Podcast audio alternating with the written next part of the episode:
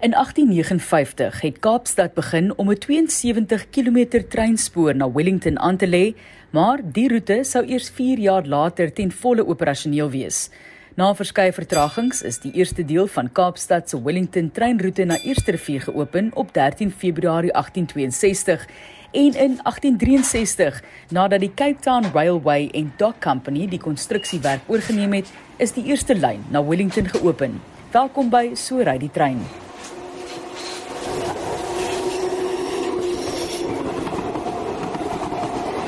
Rihanna Scott, Metrorail Weskaap bemarking, kommunikasie en media bestuurder, verduidelik watter rol Metrorail Weskaap speel in openbare vervoer.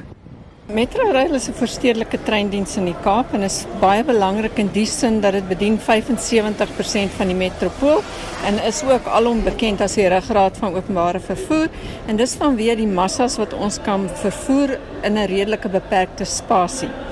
Die staat is ons enigste aandeelhouer elke treinkaartjie word gesubsidieer deur die staat en dit is om doelbewus die tariewe bekostigbaar te hou.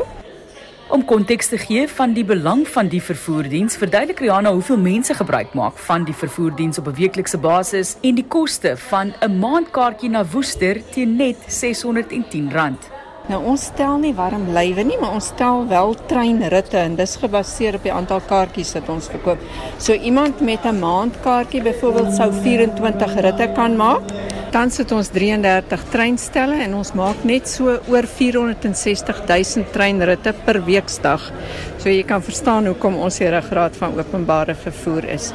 Ons ry ook dan deur sewe munisipale areas. Ons roete is is van Kaapstad wat die hoofstasie is na Simonstad, Stellenbosch, Woester, Mamasbury en die Strand.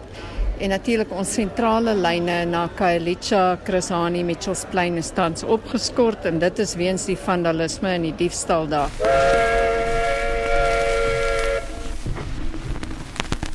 Wiele wat rol. 'n Glansprogram oor die Suid-Afrikaanse spoorweë.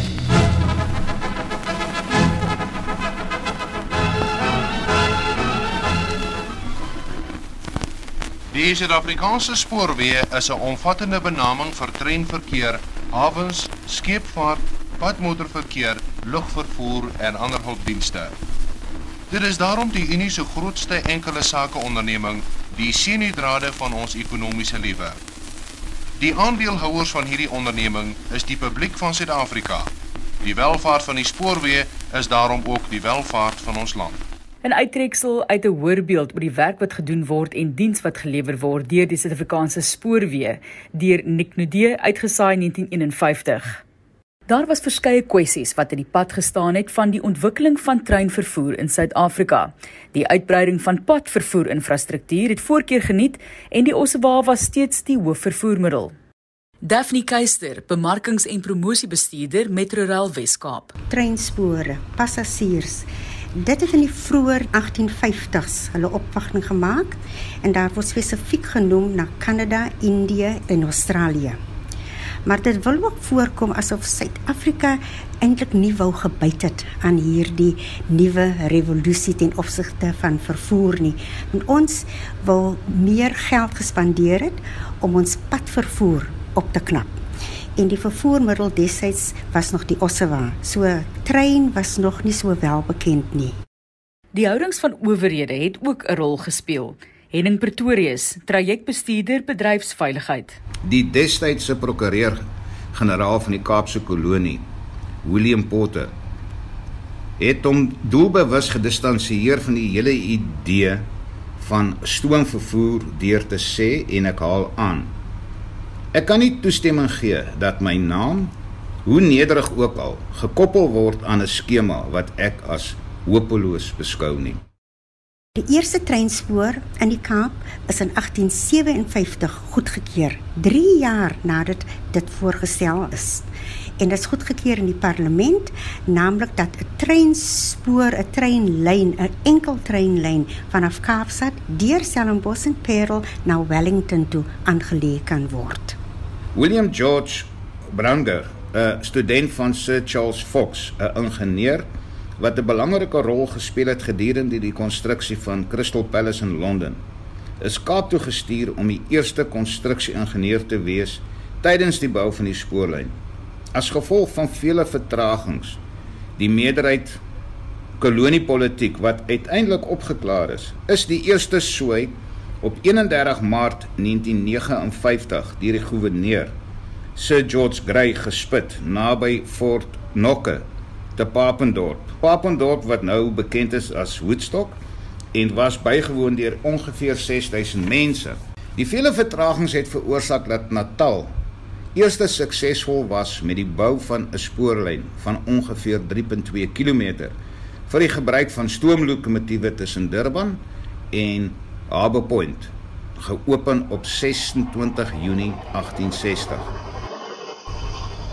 Op 8 September 1859 arriveer die eerste van 6 stoomlokomotiewe in die Kaapse hawe vanuit Skotland. Die eerste toetsrit deur 'n stoomlokomotief in Suid-Afrika was vanaf Papendorp, soos nou bekend Woodstock, na Soutrivier. Was op 24 Oktober 1860. Die geskiedkundige mylpaal was bygewoon deur etlike duisende mense. Gedurende Augustus 1861 is 'n ooreenkoms gesluit dat die spoorlyn verleng kan word na Stellenbosch. As gevolg van voorsleepende vertragings kon dit slegs sover as eerste rivier gebruik word. Edward Pickering. Hy was gekontrakteer om die treinspoor te bou. En dit het hulle 2 jaar geneem om die eerste 3 km van die treinspoor aan te lê En gevolglik is Pickering en sy werkers deur die Cape Town Railway and Dock Company, die eienaars van die spoorlyn in die pad gesteek. Op 18 Maart 1862 stoomlokomotief Sir George Grey Stellenbosch stasie binne. Die spoorlyn na Wellington word ongeveer 'n jaar daarna voltooi en op 4 November 1863 vertrek die trein met ongeveer 400 gaste om 9:30 vanuit Kaapstad na Stellenbosch en Parel en arriveer om 12:40 op Wellington. Henning Pretorius verduidelik wat die invloed van die diamantbedryf en die Anglo-Boereoorlog op treinvervoer gehad het. Suid-Afrika se spoornetwerk was goed opdreef met 'n totaal van 150 km spoorlyn. Die ontdekking van diamante het 'n groot omswaai in die benadering tot stoomvervoer veroorsaak. Teen 1892 het die eerste trein vanaf Kaapstad na Johannesburg vertrek. En teen 1899 was die totale spoornetwerk in Suid-Afrika 6860 km met slegs stoomlokomotiewe in gebruik. Gedurende die Anglo-Boereoorlog vanaf 1899 tot en met 1902 was die enigste doeltreffende vervoer en kommunikasiestelsel in die land, die spoornetwerk. Met die gevolg, die totale oorlog was gevoer rondom die spoornetwerk. Teen die einde van die oorlog was die totale netwerk 7500 km lank.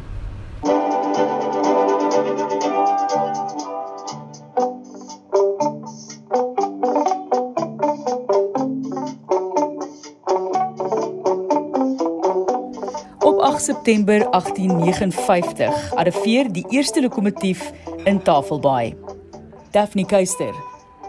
Hierdie lokomotief wat vervaardig is deur Hawthorne Key is ingevoer deur Edward Pickering, die boukontrakteur wat aangestel is om 'n treinspoor aan te lê vanaf Kaapstad na Wellington, 'n afstand van bietjie meer as 70 km. William Dabbs, die Skotse ambagsman wat die lokomotief na Kaapstad vergesel het, was ook die lokomotief se bestuurder vanaf sy indiensneming totdat die lokomotief aan die einde van sy werkstermyn gekom het. Blackie, die klein klein lokomotief, was inderdaad nie nommer 1 nie, maar enjin nommer 9. Daphne verduidelik.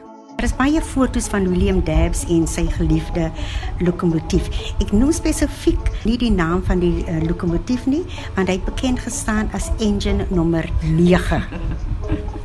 Die lokomotief bekend as engine nommer 9 was gebruik om die treinspoor vanaf Wellington aan te lê. En op 4 November 1863 was dit ook hierdie lokomotief wat gebruik was tydens die eerste treinrit vanaf Kaapstad na Wellington en waar kom ons aan hierdie nommer 9 Die Cape Town Railway and Dock Company het 8 lokomotiewe het hulle ontvang om op die treinspoor te ry. En hierdie eerste 8 lokomotiewe was genommer 1 tot 8 en die eerste een wat gearriveer het buite die 8, hy het nie nommer 1 gehad nie en hulle het hom ongelukkig nommer 9 genoem. Persoonlik dink ek hy moes nommer 1 gewees het. Na Blackie se harde werk om die treinspore aan te lê, is hy se muur eenkant gestoot en amper geskraap Maar te danke aan individue wat die geskiedkundige waarde van enjin nommer 9 erken het, het Blackie 'n trotse posisie ingeneem in die voorportaal van Kaapstadstasie. Blackie was in diens tot 1883 in Port Elfrid. Na 1883 word daar vertel dat Blackie aan die einde van sy diens gekom het en Blackie het net daar een kant op die treinspore gestaan. En hierdie eerste lokomotief het daar gebly tot 1897 waar Blackie vervoer is na Gramstad, waar hy deel was van 'n uitstalling en jy het nou besluit om 'n deel van hom hier voor uit te stal. Ja. So Blackie het 'n interessante geskiedenis. In 1913 is Blackie terug gekom na Kaapstad waar hy tentoon gestel is in die Wandelhal in Kaapstadstasie en weer eens is Blackie vervoer na Soutrivier toe waar die lokomotief geskraap sou word. Maar ons moet baie dankie sê vir vernuf van 'n ingenieur Mr Wesley wat die historiese waarde van Blackie besef het. In 1935 het die Historical Monuments Commission 'n proses geproklaameer waarvoor ons Blackie as 'n nasionale monument verklaar was.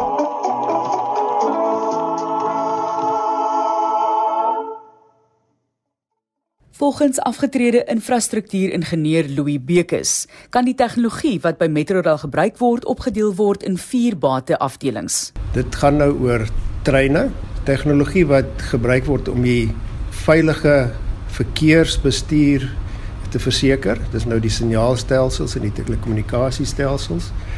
Dit gaan oor die elektriese voorsiening, kragvoorsiening, die stelsels wat daarmee gepaard gaan. Dan gaan dit ook natuurlik dan oor die kom ons sê die algemene besigheidsbestuurstelsels, tipies die IT-stelsels, rekenaars en so aan. Nou hierso in die middel 70s, laat 70s is baie geld geïnvesteer om die bates van die spoorweë nasionaal op te gradeer. Want daar was 'n behoefte op daai stadium om meer doeltreffend treine te kan loop en dan ook om te verseker dat die veiligheid gehandhaaf word. Die stelsels wat gebruik is destyds is basies meganies gebaseerde stelsels, treinbeheerstelsels en dit is alles oorgeskakel na elektromagnetiese stelsels en ons praat nou van die signaalstelsels spesifiek. Wens die feit dat veiligheid vooropgestel word in die dienslewering van Metrorail, het die tegnologie wat gebruik word 'n lang dienslewe, maar volgens Louis het hierdie tegnologie vernuwing nodig. Dit is die dat ons nou eintlik op 'n stadium gekom het wat die bates wat ons in die 70er jare vernuwe het, ook nou eintlik in 'n fase van vernuwing moet gaan. Nie omdat hulle nie noodwendig nog betroubaar is nie, maar net omdat die tegnologie uitgedien is. Die basiese tegnologie wat ons treine mee loop is hulle word deur 3 kV gelykstroom kragbronne voorsien. Aan die ander woorde dit is gebaseer op die 3 kV trekkragstelsels.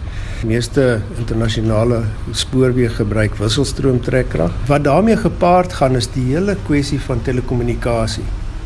Waar hier in die 70er jare ons basiese analoog telekommunikasiestelsels gebruik het met die opgradering van die signaalstelsel is daar ook 'n hele uitrol plan gewees om die telekommunikasiestelsel te vervang met nuwe tegnologie.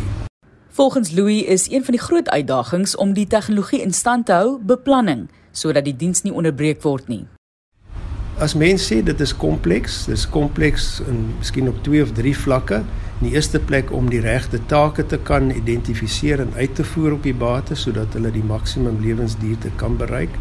Ook kompleks om die werk te beplan.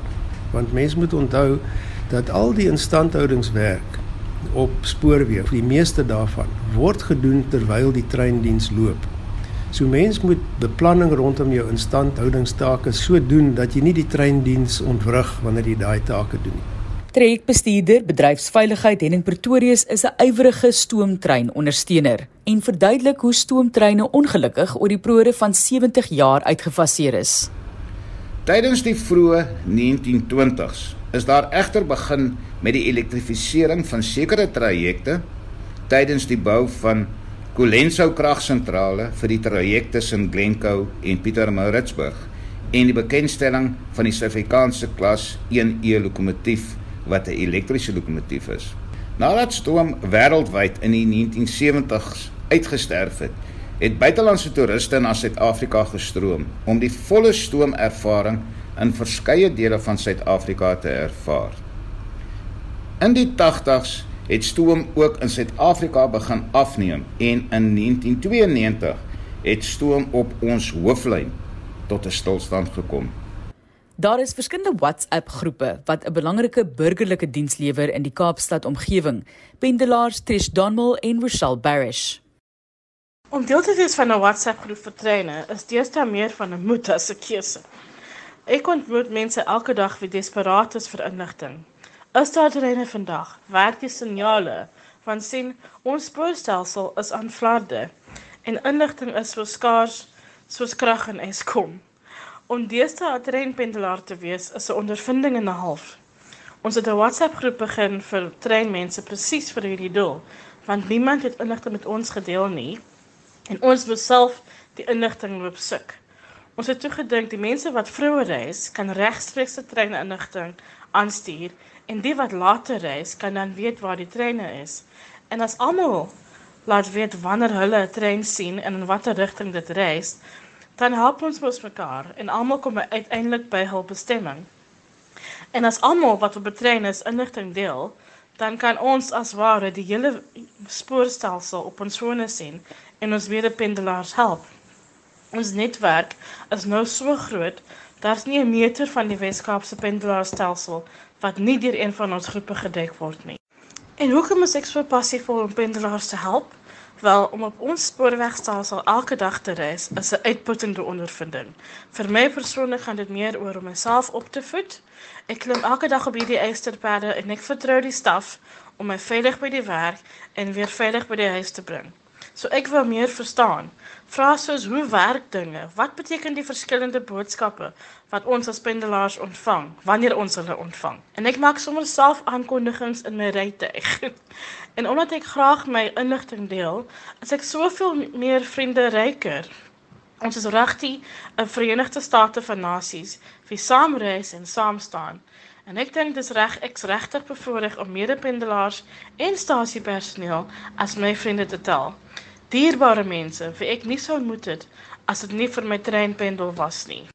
Die Seepuntroete was een van die legendariese roetes in die Kaap en volgens Louis Bekes kan die treinspore vandag steeds besigtig word. As mens bietjie verder teruggaan in die geskiedenis, sal mens opmerk in Kaapstad stasie se hoof ontvangslokaal is daar 'n granietblad in die een hoek van die stasie waar die spoorlyn tussen Kaapstad stasie en Seepunt uitgegraveer is. En daai lyn tussen Kaapstad en Seepunt het hierso in die 20er jare het hy stoomtreine daai tyd, stoompassasierstreine daai tyd geloop tussen Kaapstad en Seepunt. En uh dit was 'n redelike goed uh, gebruikte lyn en mense het graag tussen Seepunt en Kaapstad gery met die trein. Nou met die jare die spoorlyn natuurlik in onbruik geraak en tot vandag toe as mens nou Seepunt se kant toe ry met die dubbelpad daar by die waterfront verby in die middelmannetjie sal jy nog sien van die fondasies van die stasies wat daar is. Nou daai granietblad is eintlik geplaas op die hoeksteen van die oorspronklike monumentstasie.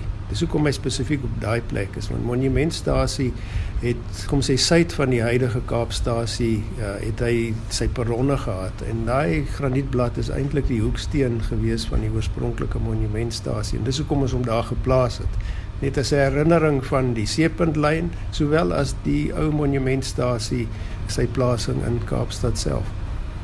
Na die oorlog wou die seepunt grondpunt mense maar weer hulle spore hê.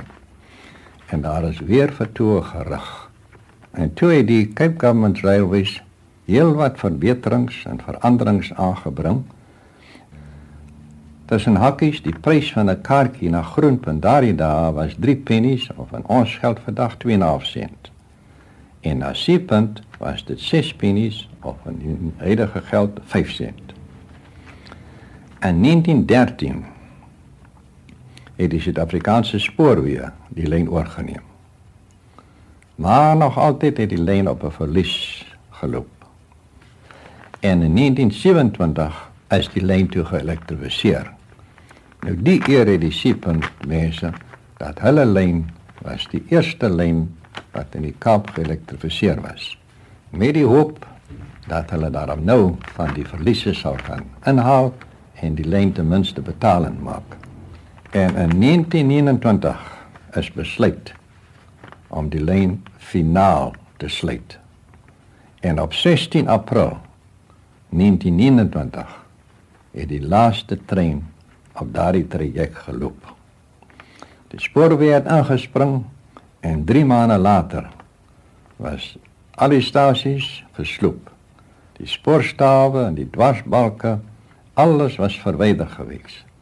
Daar was niks meer oor van die seepuntlyn nie. Meer oor die geskiedenis van die seepunt spoorlyn op die program Almal se mikrofoon uit 1980, 'n onderhoud met Martin Bokker, afgetrede bedryfsinspekteur van die Suid-Afrikaanse Spoorweë deur Nico Roos.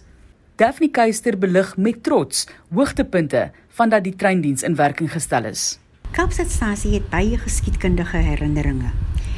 In 1901 is Kaapstad spasie spesiaal vervry vir die besoek van die hertog en hertogin van Cornwall en York. In 1902 het 'n spesiale begrafnistrein van Cecil John Rhodes vanaf Kaapstasie vertrek, die beginpunt van 'n lang treinrit na sy finale ter aardbestelling in Zimbabwe. Kaapstadstasie was ook wel bekend vir sy aantal horlosies van verskillende groottes en fatsoene Die plek waar die publiek en passasiers mekaar ontmoet het, het bekend gestaan as Meet Me Under the Clock. En dit het net een plek beteken. Ons ontmoet mekaar onder die horlosie waar die voorstedelike lyn se tydtafel aangedui word. Nog 'n historiese oomblik vir Kaapstad was toe die koninklike trein op 21 April 1947 aan die Kaap arriveer met koninklike gaste, koning George, koningin Elizabeth en hul dogters prinses Margaret en die huidige koningin Elizabeth. Daar was ook 'n gratis treinrit die dag toe Nelson Mandela vrygeraak is in Februarie uit Paulsmoor en die skare op die parade toegespreek het vanaf die stadsaal. Dan was daar ook 'n bekende hond, Just Nuisance, wat die matrose vergesel het op hul treinritte vanuit Simonstad.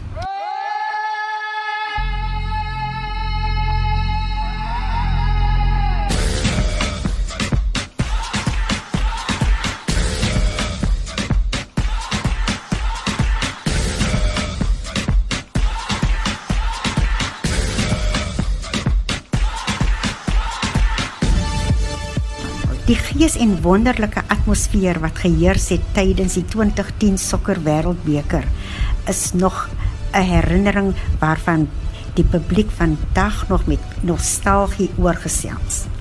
Daar is egter een besonderse dag, Saterdag 3 Julie 2010 wat uitstaan.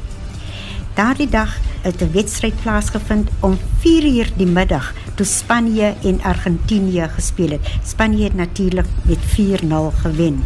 Maar wat was so merkwaardig rondom daardie dag? Die weer was perfek. Ons treine was vol.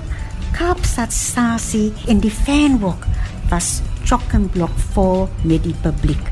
Dit lyk asof almal daardie dag 'n spesiale kaartjie gehad het vanaf 10:00 die oggend het mense al beweeg na die stadium toe net om die gees en atmosfeer van die sokker wêreldbeker te ervaar. Ons het tannies gesien, familie, oumas met kinders en almal was dit eens dat vandag is hulle hier om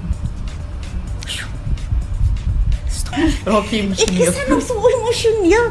En ek sien nou hier voor my op hierdie spesifieke Saterdag was ons Metrorail span wat gewerk het op Kaapstadstasie bevoorreg om te sien hoe die publiek die 2010 die sokkerwêreld beker ervaar. They embraced the beauty of South Africa. These people were proud to be South Africans. Dit was familie, dit was senior citizens. Hulle het nie die wedstryd bygewoon nie. Hulle het trein gery, hulle het die fan ook geloop daardie spesifieke dag omdat dit 'n perfekte Saterdag was.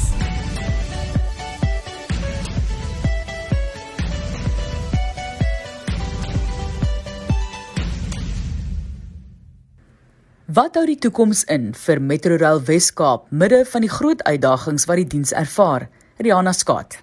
Die toekomsblik en die nuwe treine wat kom, jy het reeds kennis gemaak met die blou trein wat hier op Kaapstasie staan.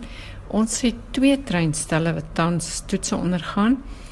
Natuurlik met al die ondersteunende infrastruktuur in plek wees, ons moet depots hê vir instandhouding, moderne onderhoudsmetodes en tegnologie moet aangeleer word die trein en bedryfspersoneel moet opgelei word. Nou met al daai projekte is ons reeds besig. En ons verwag op nog uh agt nuwe stelle later vanjaar wat dan as alles volgens plan verloop op die Kaapse vlakte lyn later vanjaar behoort te bedryf word. Dit hang natuurlik af of al ons planne in plek is en die Kaapse vlakte lyn omdat dit 'n kleiner lyn is en ook omdat die infrastruktuur daar al reeds gepas is vir die instel van 'n nuwe diens.